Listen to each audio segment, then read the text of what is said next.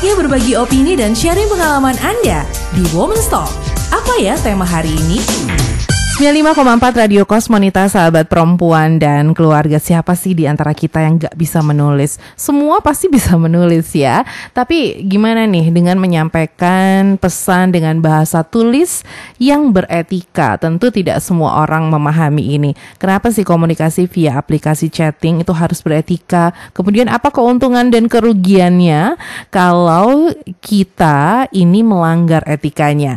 Nah kalau udah ngomongin tentang komunikasi nggak mungkin saya ngobrol sendiri karena pasti ada Ibu Santi Jiwandono yang hadir setiap hari Senin di minggu ketiga yang sudah mempersiapkan uh, waktunya di sela-sela kesibukan yang luar biasa Bu Santi ya. Habis dari Jogja loh.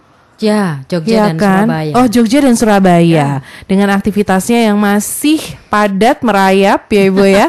Banyak yang di cancel nggak sih Bu acara-acara di minggu-minggu ini? Ya. Mm -hmm. Bahkan yang akhir bulan pun di cancel juga. Oke, okay, kita juga semua prihatin pasti ya Betul. ya dengan kondisi seperti ini. Betul, Kayaknya bulan lalu tuh masih jauh di sana gitu ya. Ternyata di bulan ini hari ini kita ketemu sudah makin uh, mak makin kenceng aja persiapannya. Yeah. Tapi yang pasti Ibu Santi yang suka keliling-keliling keluar Malang, mungkin bisa diceritain gimana sih Bu kondisinya gitu apakah di di bandara itu jadi lengang banget atau normal aja kayak biasanya? Uh, pengamatan saya sekilas sih memang ada sedikit uh, sepi ya mm -hmm. di bandara itu sedikit sepi tapi mm -hmm. enggak terlalu kelihatan ekstrim, gitu ya gitu enggak sih uh -huh, uh -huh. Ba tapi bahwa uh, jumlah pemakai masker mm -hmm. emang sekarang jadi makin banyak oke okay. itu kelihatan sekali kalau mm -hmm, itu mm -hmm.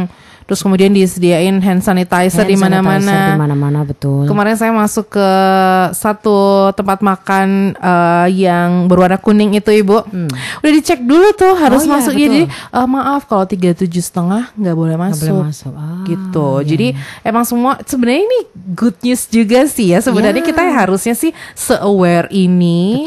Kalau Ibu Santi ke mana-mana bawa hand sanitizer, yeah. mungkin setelah badai ini juga terus kayak gitu Harus kan? Begitu, betul karena itu yang benar. Mm -mm, ya. mm -mm. Jadi uh, mungkin sebelum kita ngobrol ke inti dari obrolan kita sore ini, karena gimana pun uh, apa yang terjadi sekarang ini, kayaknya memang kita harus saling bergandeng tangan, betul. saling support ya. ya. Jangan ada hoax di antara kita. Nah.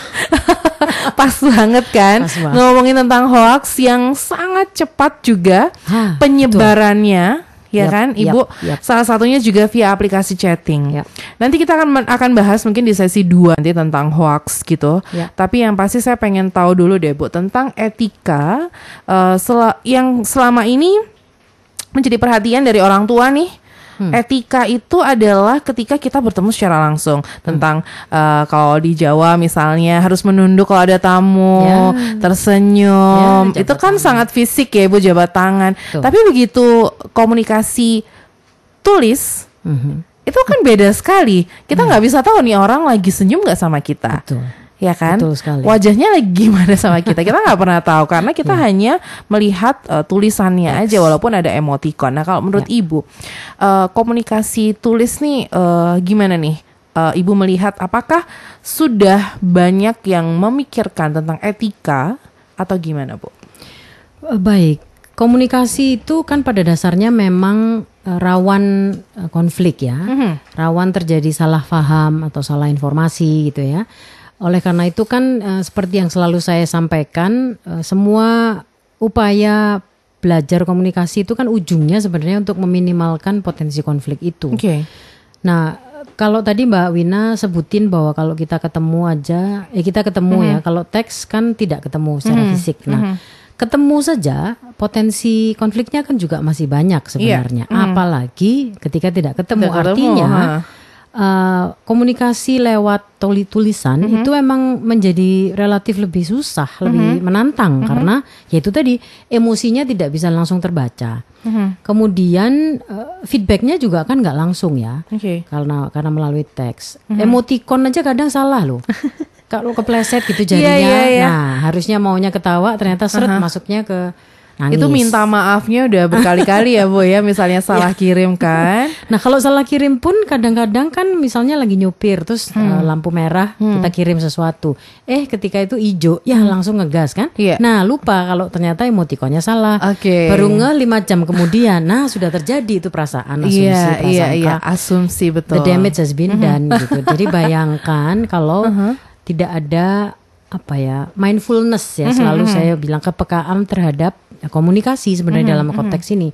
Apalagi eh, dalam eh, teks gitu ya. Eh, bahwa emoticon itu bertambah terus eh, jenisnya itu pun juga sebenarnya adalah upaya mengurangi konflik karena eh, ingin bisa men- menyajikan eh, apa ya pesan-pesan emosional yang, Yang- paling lengkap gitu Oke. dan detail. Itu aja mereka tahu persis itu bahwa itu memang rawan konflik kalau nggak ada emotikonnya. Makanya emotikon pun Terus berkembang. terus berkembang Aha, gitu. apalagi sekarang ada yang modelnya bisa di, apa dibuat sama Iya. kayak muka kita Iya, gitu iya. kan ya Itu menunjukkan bahwa memang dibutuhkan yang sangat-sangat personal ya Ibu ya. Iya, emosi memang tetap harus tersampaikan Mm, karena nonverbal atau emosi itu kan 70-an persen lebih yang lebih lebih bisa dipercaya gitu. Dan bahwa em, apa ya? Menulis pun meskipun itu teks atau SMS atau WhatsApp atau email, tapi kalau tidak paham, kemudian eh, tidak punya skillnya, tidak punya kepekaannya, eh, saya khawatir bahwa konfliknya memang bisa jauh lebih besar daripada eh, komunikasi tatap muka. Oke. Ya. Dan itu adalah perbedaan yang besar yang bisa kita eh, eh, simpulkan ya Ibu ya bahwa komunikasi tulis dan komunikasi eh, lisan ini memang ada dua hal yang sangat berbeda. Ya, Gitu sangat, ya. sangat mendasar. Nah, berbeda. kalau yang Ibu perhatikan, apa sih sebenarnya yang eh, sering kali mendatangkan konflik nih, Bu? Kalau Mhm. dalam bahasa tulis, chatting by WhatsApp atau DM misalnya, yang Ya. terjadi ba- di banyak ya di lingkungan Hmm. kerja atau di lingkungan keluarga, itu biasanya seperti Em, apa? biasanya yang saya amati adalah ta- tanda baca yang enggak lengkap.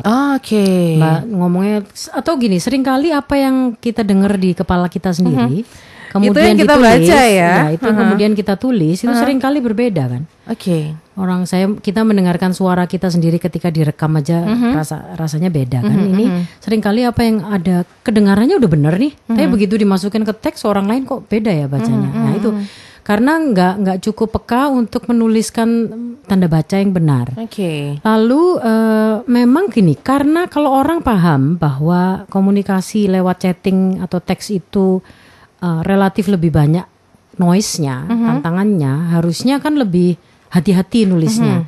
Kalau perlu dengan extra effort memang. Jadi nggak bisa kalau eh, tetap muka kan ngomongnya iya, mm, nggak apa-apa. Tapi kan mukanya kelihatan oh dia Iya. nggak apa-apa gitu ya. Tapi karena itu lewat eh, medium yang nggak kelihatan, agak susah kalau ngomong pendek-pendek gitu. Jadi ya harus ada eks, apa usaha yang lebih yang lebih gitu untuk berkomunikasi lewat teks Kar- Oke. untuk meminimalkan eh, potensi konflik tadi itu. Etika menulis eh, chatting itu gimana bu? Etika walaupun eh, etika apakah diperlukan hanya karena eh, suasana yang formal atau ketika dengan pasangan kita juga harus tetap beretika atau gimana? Well, eh, bagaimanapun juga kalau kembali kepada trust, kan setiap kali perjuangan sebuah relasi itu atau relasi apa pun itu kan untuk bisa mencapai trust. Artinya kalau trustnya sudah ada, bisa dibilang eh, komunikasinya lebih mudah dalam tanda kutip, Oke. karena sudah ada trust. Jadi pada saat ngomongnya salah, nggak ada emoticon, tanda bacanya nggak ada, itu karena Santai. ada trust, nggak apa-apa. gitu ya. Relax ya bu Yes, ya. gitu. Nah, masalahnya kan tidak semua orang eh, tahu dan punya kemewahan untuk bisa membangun trust itu dalam waktu yang cepat. Nah, sehingga em, etikanya adalah yang pertama jelas yaitu menurut saya harus lebih lengkap kalimat teks Oke. itu dibanding eh, verbal langsung ketemu orang karena kita Oke. tidak punya eh, apa namanya tidak bisa me- mendeteksi eh, nonverbalnya orang lain sehingga Oke. ya memang harus extra effort tadi itu lebih Iya. panjang kalimatnya. Iya iya Iya. betul betul. Email misalnya ya, em, kadang-kadang ada yang cuma jawab langsung aja, tolong ini ya, nggak pakai siapa namanya, Iya, kepada betul. siapa, Aha, subjeknya apa. Iya. Kadang-kadang emailnya itu ber- sudah berpanjang gitu ya. Dan sering kali dalam pembicaraan email itu eh, bahasanya bisa berbeda, tapi subjeknya tetap aja. Nah itu kan juga nggak peka. Oke. Karena email itu kan di dalam inbox pasti banyak sekali. Kalau nanti orang akan retract, dia kan pasti nyari minimal dari subjek toh. Nah kalau subjeknya semua sama ternyata bahasan di dalamnya tidak sama, Iya. kan itu menyulitkan. Betul. Nah itu lagi-lagi nggak peka. Oke. Jadi harus peka bahwa ketika bahasanya berubah, subjeknya harus dirubah. Oke. Lalu jangan lupa kapan harus CC, kapan BCC. Iya. Salah klik aja yang harusnya maunya di Bahaya BCC jadi ya. CC. Nah, Aha, aha. potensi konfliknya besar sekali. Oke. Jadi memang harus awas, harus mindful dan harus aware bahwa kadang-kadang kalimat yang kita pikir kita dengarkan di kepala kita itu sudah oke, Mhm. ternyata ketika ditulis dan dibaca lagi, oh, kok berbeda gitu ya. Mhm. Saya- Jadi eh, extra effort memang. Jadi Mhm. saya pikir jari ini emang harus disekolahin juga. Iya loh, iya jari ini emang harus diajak untuk belajar juga ya, Exactly. beretika juga Iya. tentang jam mengirim message, Iya. tentang sapaan. Ini juga Betul. penting sekali karena kita tidak pernah tahu ya orang yang menerima pesan kita tuh dalam kondisi seperti apa. Betul. Oke, kita nanti bakal ngobrol lagi di sesi yang kedua. Kita break, Sinak untuk dengerin yang satu ini dulu. Radio Cosmonita 95,4 Radio Kosmonita sahabat perempuan dan keluarga. Betul nggak sih Ibu Santi? Kita tuh bisa menilai seseorang itu sopan atau tidak? Niat atau tidak eh, Baik atau tidak itu dari caranya berkomunikasi via eh, bahasa tulisnya Terutama ketika chatting. Bisa sekali. Mhm. Justru itu yang bisa menjadi apa namanya pe- penilaian paling cepat itu dari Mhm, karena kan kita nggak lihat orangnya. Oke. Apalagi kalau itu dilakukan secara konsisten terus menerus begitu, makin lama orang makin percaya bahwa ya memang orangnya em, Seperti itu seperti itu. gitu. Seharusnya tidak. Nah, Perilaku seperti apa yang biasanya cepat ketahuan nih Bu dari bahasa tulis seseorang Ya ada beberapa sih yang saya amati. Pertama misalnya dengan cara bagaimana eh, dia merespon teks. Respon yang Respon. pertama ya Ya. Mhm. Em, lagi-lagi ini di luar adanya relasi yang sudah saling dipercaya ya, saling mempercaya ini orang yang relasi yang biasa saja. Yang biasa aja. Ha. Em, seberapa lama dia merespon, kemudian eh, bagaimana dia merespon, Oke. lalu apakah selalu ada kayak misalnya nih contoh yang paling mudah nih kalau misalnya kayak eh, teman saya Jimmy ya, dia kalau lama merespon gitu, dia selalu nulis SBB, sorry baru Oke. bales. Nah itu kan eh, etis ya, itu membuat orang jadi oh ya oke saya paham kamu lagi balas makanya balasnya lama gitu ya, atau eh, ya misalnya balasnya udah udah tahun berikutnya gitu ya, Eh, topiknya udah lupa gitu ya, baru balas terus balasnya satu pendek aja gitu misalnya, dan itu dilakukan berulang-ulang gitu ya, atau eh, WA yang berubah-ubah, nomornya berubah, gitu. Oh iya. atau kemudian ada orang yang tiba-tiba di blok aja. Udah nggak masuk di nomor saya yang ini. Oke. udah nggak ada. Jadi entah kamu di mana. Jadi si orang kan nggak tahu. Jadi dia tetap aja ngirim WA ke nomor itu kok nggak pernah dibales ya ternyata emang udah diblok dan dia nggak tahu Oke. gitu kan ya nah itu kan semua sebenarnya ah, punya potensi mencederai relasi kan Mhm. yang nggak perlu gitu loh Mhm. Em, nah itu makanya harus jauh lebih hati-hati memang komunikasi melalui teks gitu karena ya itu tadi feedback nggak langsung eh, emosi dan bahasa tubuh orang yang Tidak dilihat tidak langsung. langsung, terlihat Tapi reaksinya bisa langsung. Reaksi- Kita sebagai orang yang menerima pesan misalnya, kita bisa langsung bereaksi dan berasumsi kan. Ibu? Hmm. Iya. karena teorinya kan bilang komunikasi itu kan nggak bisa vakum Oke. artinya kosong Oke. Harus segera diisi karena kalau enggak akan diisi dengan prasangka, Oke. asumsi, dugaan yang negatif gitu biasanya. aha, aha, Tapi kalau langsung diisi, makanya ada jumpa pers. Kalau Oke. orang lagi terkena kasus atau diomongin, langsung dia bikin jumpa pers atau bikin klarifikasi. Supaya menetralisir uh, berita supaya tidak ada jeda waktu vakum itu. Oke. Sebenarnya itu. Jadi yang ditunggangin atau diisi Nah, dengan hal-hal yang lain. Orang biasanya kalau lama nggak dibales itu isinya negatif biasanya. Hmm. Oh dia pasti udah nggak seneng lagi sama aku nih gitu. Atau oh Oke. dia pasti sibuk banget. Jarang memahami dengan hal yang positif. Oh, Apalagi mungkin- kalau itu dilakukan secara berkali-kali. Ah, kalau berkali-kali ya. itu baru bisa kita bilang oh ada sesuatu nih. atau gitu. diklarifikasi. Oke. Itu yang sudah paling aman sudah klarifikasi itu. Mhm, Jadi kenapa sih gitu? Atau gini loh. Nah, itu kan klarifikasi. Nah, itu kan dibutuhkan selain kerendahan hati juga ya goodwill lah ya untuk menyelamatkan sebuah relasi. Oke. Nah, masalahnya orang punya nggak kecakapan sampai ke sana atau awareness sampai ke sana. Oke.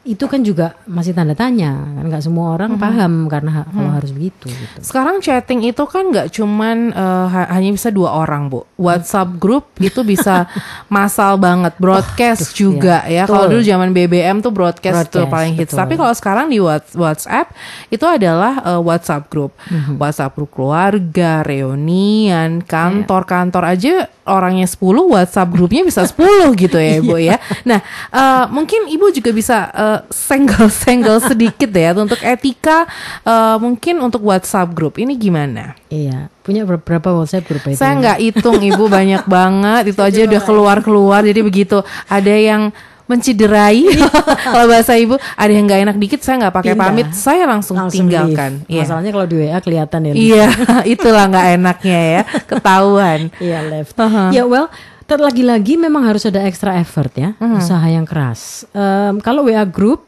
itu saran saya selalu harus ada admin. hmm. Kemudian adminnya itu harus buat a set of rules, buat aturan. Siapa pun yang mau masuk harus tahu aturannya apa dan kemudian dia harus menyetujui. Kalau dia tidak setuju tidak akan dimasukkan oleh admin. oke Lalu setiap kali ada kesalahan di tengah-tengah, si admin harus ngasih kartu kuning. oke Stop, nggak boleh lagi ngomongin soal Sarah ya. Oke. Kamu pe- peringatan pertama, kedua, ketiga saya akan langsung cabutin kamu dari grup. Nah, itu ada semua dalam aturannya. Emang jadi Oke. lebih ekstra kan? Iya, iya, Dan iya. ada admin yang harus punya stamina dan punya niat baik untuk Iya. mengatur grupnya seperti itu. Bayangin saja, saya itu punya begitu banyak WA grup, adminnya tuh letoy semua nggak ada yang belajar komunikasi. Jadi aduh, lima orang typing semua, nggak ada yang dengerin. Aha. Udah gitu nanti salah paham, yang ini salah paham mama yang itu, yang atas sudah scroll ke atas Iya. lagi, scroll ke bawah. jawab ini jawab apa? Ini ngomong apa? Udah Ya. kelewat segala macam. Terus ada misalnya saya sama Mbak Wina nih dalam grup ada A, B, C, D yang lain gitu ya. Terus kita tidak setuju dengan satu hal, kita berantem sendiri. Dan kita lupa bahwa ada orang lain dalam grup oke itu. oke. Nah, ya etika sudah lu kebuang ke laut sudah kalau itu lewat sama sekali nggak ada etika sama sekali itu sudah. Oke. Terus belum forward.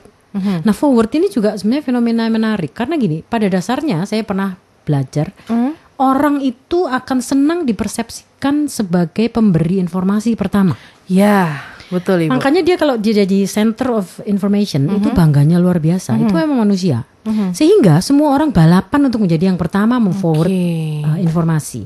Sehingga uh, berhenti sejenak mengecek apakah ini benar, apa kira-kira dampaknya. Ah itu sudah lewat sudah. Yang penting Pokoknya cepet. menjadi nomor satu. oke Nah itu bahaya. Jadi harus harus menjadi mindful. Nggak apa-apa kok nggak menjadi orang yang nomor satu menyampaikan informasi di WA. Nggak bakal Iya. ngetop juga gitu loh. Jangan karena deh. ini akar hoax itu ya bu ya Exactly, itu akar Oke. hoax. Jadi, waduh ini ada yang baru, wah nomor satu nomor Mhm, apa? forward.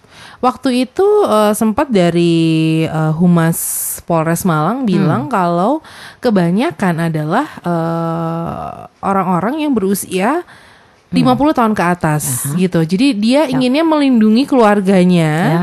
Jadi pagi-pagi si hoaxnya sudah dikirim, pagi-pagi juga segera di eh, share di WhatsApp grup atau di Facebook biasanya Ibu. Ya, ah sih. Itu juga menarik tuh ada studi seperti itu ya. Jadi, Iya.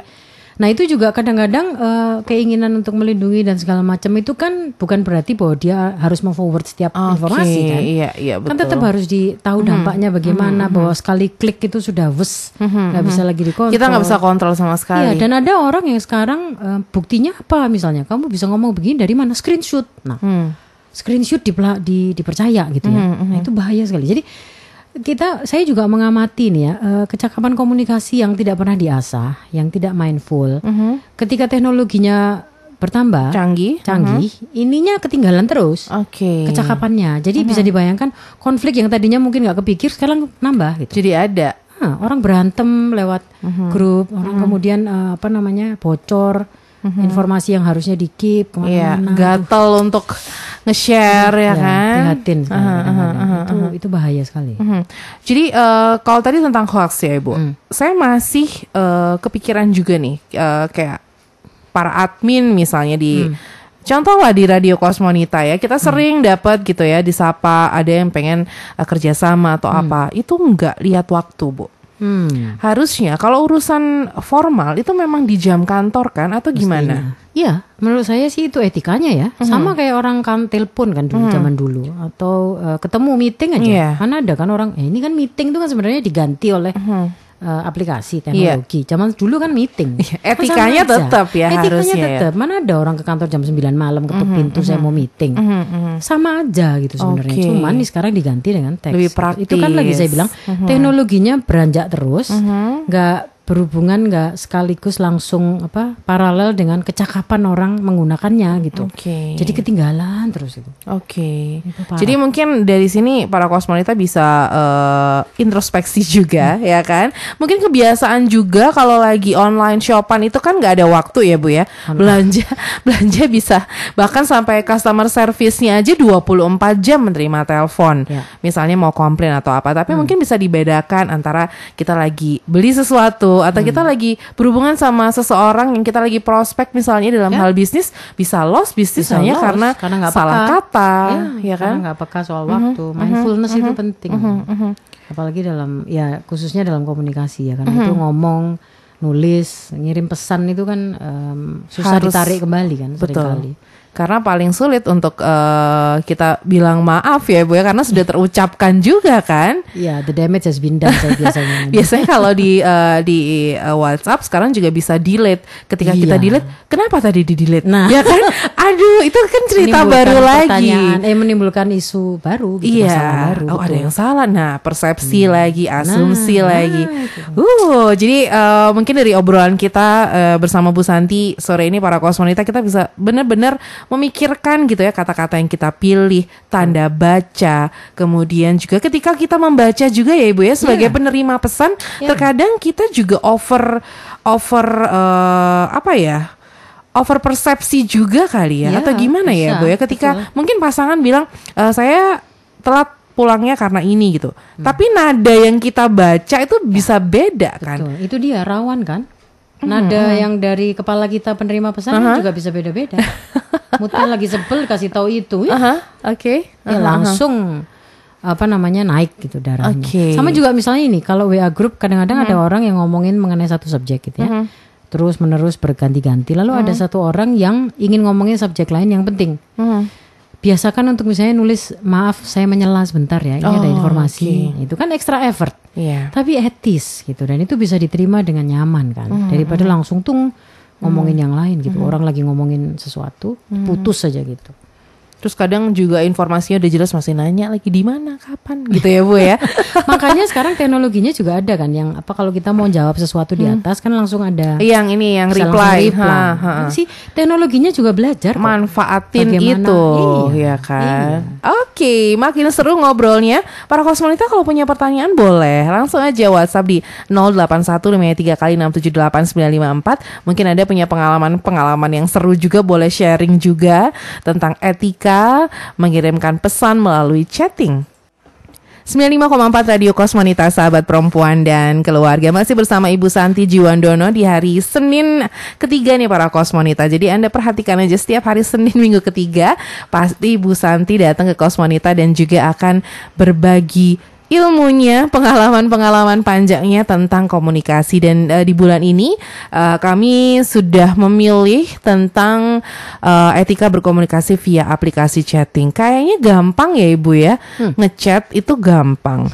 Eh, download aplikasinya juga gampang. Sekarang malah banyak ada Telegram, Ya. ya Bu ya. Ya. Saya nggak pakai sih Telegram, belum pernah. Eh, banyak yang suka eh, banyak yang suka juga ya. Kemudian juga DM nih, DM di Instagram Ya. atau juga di Twitter, Ya. Messenger. YM udah nggak ada ya Bu ya. Yahoo Messenger mungkin kalau zaman dulu anak lama pasti tahu YM dengan eh, segala ceritanya di situ gitu ya. BBM juga udah nggak ada. Jadi eh, kalau ibu melihat aplikasi-aplikasi ini banyak yang tumbuh juga banyak yang eh, tutup ini gitu. Em, mungkin kalau ibu lihat di setiap eh, aplikasi chatting tuh kayak ada gayanya masing-masing ya, bu ya. Ya, tergantung eh, target ininya ya, target audiensnya atau target konsumennya. Tapi prinsip untuk beretika dalam menyampaikan atau menerima pesan juga sama sebenarnya. Oke. Apa pun aplikasinya ya. Betul, betul. Nah, ini nih Bu, di Malang lagi kenceng banget di Indonesia lah ya, dan khususnya di Malang lagi kenceng banget untuk diingatkan kerja dari rumah. Artinya, buat yang biasanya ngantor tiap hari ketemu teman-teman tiap hari, walaupun punya WhatsApp grup kantor gitu ya, Ya. Pasti akan lebih intens lagi untuk ngobrol via aplikasi chatting. Ya. Apa nih yang mesti diperhatikan nih, Ibu? Baik, eh, itu apa ya? Mau nggak mau tatap muka menjadi harus diganti dengan em, online ya, atau jarak jauh. Artinya eh, ya eh, the same rules applied. Em, apa etika, aturan dan awareness mengenai komunikasi yang baik juga tetap harus harus diingat gitu. Jadi yang jelas kalau kalau komunikasi itu yang dibutuhkan kan clarity ya, kejelasan. Jadi pada saat berbicara di depan eh, webcam atau di webinar atau Zoom atau teleconference, video conference itu ya ke- apa namanya? make sure bahwa speakernya jalan ya, lalu orang lain juga di luar sana eh, mendengarkan. Kemudian ekspresi wajahnya juga harus apa namanya? harus kelihatan dan semuanya jelas. Yang yang jelas em, apa ini namanya surrounding area ya. Kalau di rumah kan kadang-kadang ada suara anjing Oh, menyala, atau iya. mungkin nanti ada suara orang jualan gitu di luar itu. Hal-hal yang juga eh, perlu diingat untuk di, dipersiapkan di apa namanya dipastikan bahwa itu tidak mengganggu karena itu noise gitu kan ya. Lalu em, ini eh, aplikasi atau teknologi video conference itu kan juga macam-macam. Nah itu pun juga kita harus apa istilah mindful juga. gitu. Kadang-kadang ada yang mute eh, speaker, ada yang mute eh, apa namanya kamera. Jangan lupa pada saat nggak ngomong ya di mute aja. Kalau orang lain sedang ngomong gitu ya, jangan takutnya nanti ada 10 orang sedang webinar, ada dua orang sedang bicara kita lupa unmute. Sehingga akhirnya nafas kita kedengeran, suara anjing kita kedengeran gitu kan. Ada orang lagi bicara di sana, Iya, iya, ini iya. suara anjing dari mana ya? Lagi-lagi kan kepekaan ya terhadap surrounding konteks komunikasi itu Aha, aha. penting sekali. Hal-hal yang kecil-kecil gitu kadang kecil-kecil. background apa gitu mesti Nah. diperhatiin ya Bu. Yang Iya. kecil-kecil di belakang tuh menjadi Dulu kan perhatian ada juga. kan yang viral ada orang kalau nggak salah BBC yang lagi wawancara sama orang ini, dia lagi bicara di ruang kerjanya, anaknya di belakang. Oh. Aduh itu viral mainan, anaknya mainan. Oke, dan para kosmonita kalau ngomongin tentang berkomunikasi eh, via aplikasi chatting, sering kali ya, sering kali yang terjadi adalah kalau saya pribadi nih Bu ya, kalau dapat pesan dari orang yang mungkin baru aja kenal gitu atau memang ada tujuan untuk menghubungi saya out of nowhere nggak tahu gimana entah eh, ngajak untuk liputan atau untuk urusan apa pun Kemudian sudah pakai bahasa-bahasa yang dalam tanda kutip alay, itu udah langsung males banget tuh Bu Memang, jawabnya. ya kan? Disingkat-singkat, kenal, ya. Hmm, pakai XX itu. Jadi saya sih bi- kalau saya biasanya kayak gini sih Bu responnya.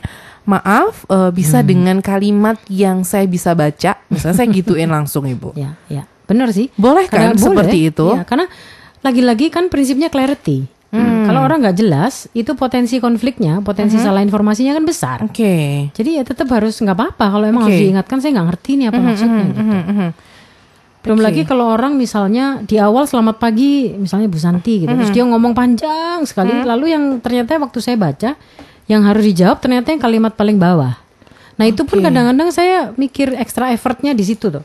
Saya harus ngulang dari atas dan bilang selamat pagi juga. Oke. Meskipun kan sebenarnya nggak perlu ya, saya tinggal jawab aja yang kalimat paling bawah. gitu. Tapi jadi etikanya saya nggak belajar kan. Nah itu kadang-kadang juga akan membantu membentuk reputasi kita gitu. Jadi selamat paginya sudah di ujung atas, tapi message-nya panjang sekali ke bawah. Tapi sebenarnya yang lebih tepat mana Bu? Misalnya kita ini eh, ingin menyapa orang yang tidak kita kenal ya, ini secara profesional, eh, formal maksud saya. Selamat pagi, nunggu dijawab dulu. Selamat pagi lagi, atau kita langsung sampaikan aja. Selamat pagi Bu Santi, saya langsung memperkenalkan diri gitu. Ataukah saya tunggu jawaban dulu untuk mengetahui apakah eh, lawan bicara kita, lawan bicara saya sudah memang lagi pegang WhatsApp gitu atau enggak gitu. Kalau menurut saya sih kalau orang yang baru kenal itu selamat pagi nama saya ini keperluan saya adalah ini tuh langsung Langsung, saja. langsung saja ya. Ah, Kalau Oke. orangnya belum tahu ya, belum Aha. kenal ya. Iya. Karena kan orang nggak kalau belum kenal artinya kan dia pasti belum simpen nomor kita. Oke, Nah, nah, kalau jadi harus sim- perkenalkan diri dulu. Perkenalkan. Kalau enggak, selamat pagi. terus Iya, diem aja iya. terus ini Terus siapa apa gitu kan ya ya ya. ya. karena belum kenal gitu ya Atau kalau belum kenal tiba-tiba udah video call gitu. Wah, Serem parah. kan, Bu? parah Jadi Enggak, harus nggak boleh. Kalau telepon itu adalah next step. yes Harus mendapat izin dulu. Apakah Ya. bisa ditelepon? ya itu Oke. adalah paling etis kadang-kadang saya Oke. dengan orang-orang yang dekat saja karena saya tahu dia sibuk Hmm, biasanya saya WA dulu saya Oke. bisa nelpon jam berapa Oke. kapan saya bisa telepon gitu. itu antara lain juga sebenarnya untuk mengasah habit saja. Hmm, meskipun dengan orang yang sudah kenal sudah uh, apa namanya sudah dekat dan sudah tahu polanya tetap saja. Karena itu supaya menjadi biasa gitu loh. Oke. karena komunikasi itu kan dilatih dibiasakan. Sehingga Mm-hmm. Sudah tidak lagi jadi beban kan karena sudah ya sudah secara alami otomatis kan keluar dari Mm-hmm. keluar dari diri kita gitu. Oke, dan permintaan maaf, permisi itu tetap aja tolong Oh, itu iya. tetap ya. tetap justru itu lebih banyak harusnya kalau di sini Mhm, mhm, mhm. ya Oke, dan ini PR kita semua para kosmonita apalagi eh, kita sebagai ibu ya kan mesti ngajarin juga Nah. buah hati kita dari awal, sedari awal. betul Mumpung masih awal bahkan karena sekarang anak-anak SD udah pada Ya, punya WhatsApp pegang. semua loh, Ya, Ibu. betul Jadi walaupun ngobrol dengan temannya juga harus kita cek ya ya tata bahasanya seperti apa karena Iya. itu akan menjadi sebuah kebiasaan juga kan, Ya, Bu. karena ngomong dengan siapa pun juga akan akan berbeda pasti. Mhm, mhm, mhm. Gak bisa semua orang ditabrak kayak bawa semua temennya gitu karena Oke. hanya itu bahasa yang dia paham nggak bisa juga kan. Bahkan sekarang bisa chattingan sama guru juga kan, Bu? Iya, apalagi kalau sekarang sekolah dipakai online kan. Iya. Sekarang iya, sekarang pakai online jadi gimana Hmm. komunikasinya akan banyak menggunakan teks. Betul. Gitu ya. Atau melalui kamera. Nah, Oke. bayangkan orang yang tidak terasah komunikasinya Mhm. di luar, ketika dengan ada media yang asing begitu ya, makin belepotan aja udah pasti tuh. Oke. Gagap. Oke Bu Santi, kita sudah di ujung perjumpaan. Bu Santi boleh mengingatkan lagi para kosmonita mengenai eh, etika berkomunikasi via aplikasi chatting? Silahkan. Ya, baik. Eh, yang jelas teknologi komunikasi itu ber- berkembang terus ya, dan itu cepat sekali gitu.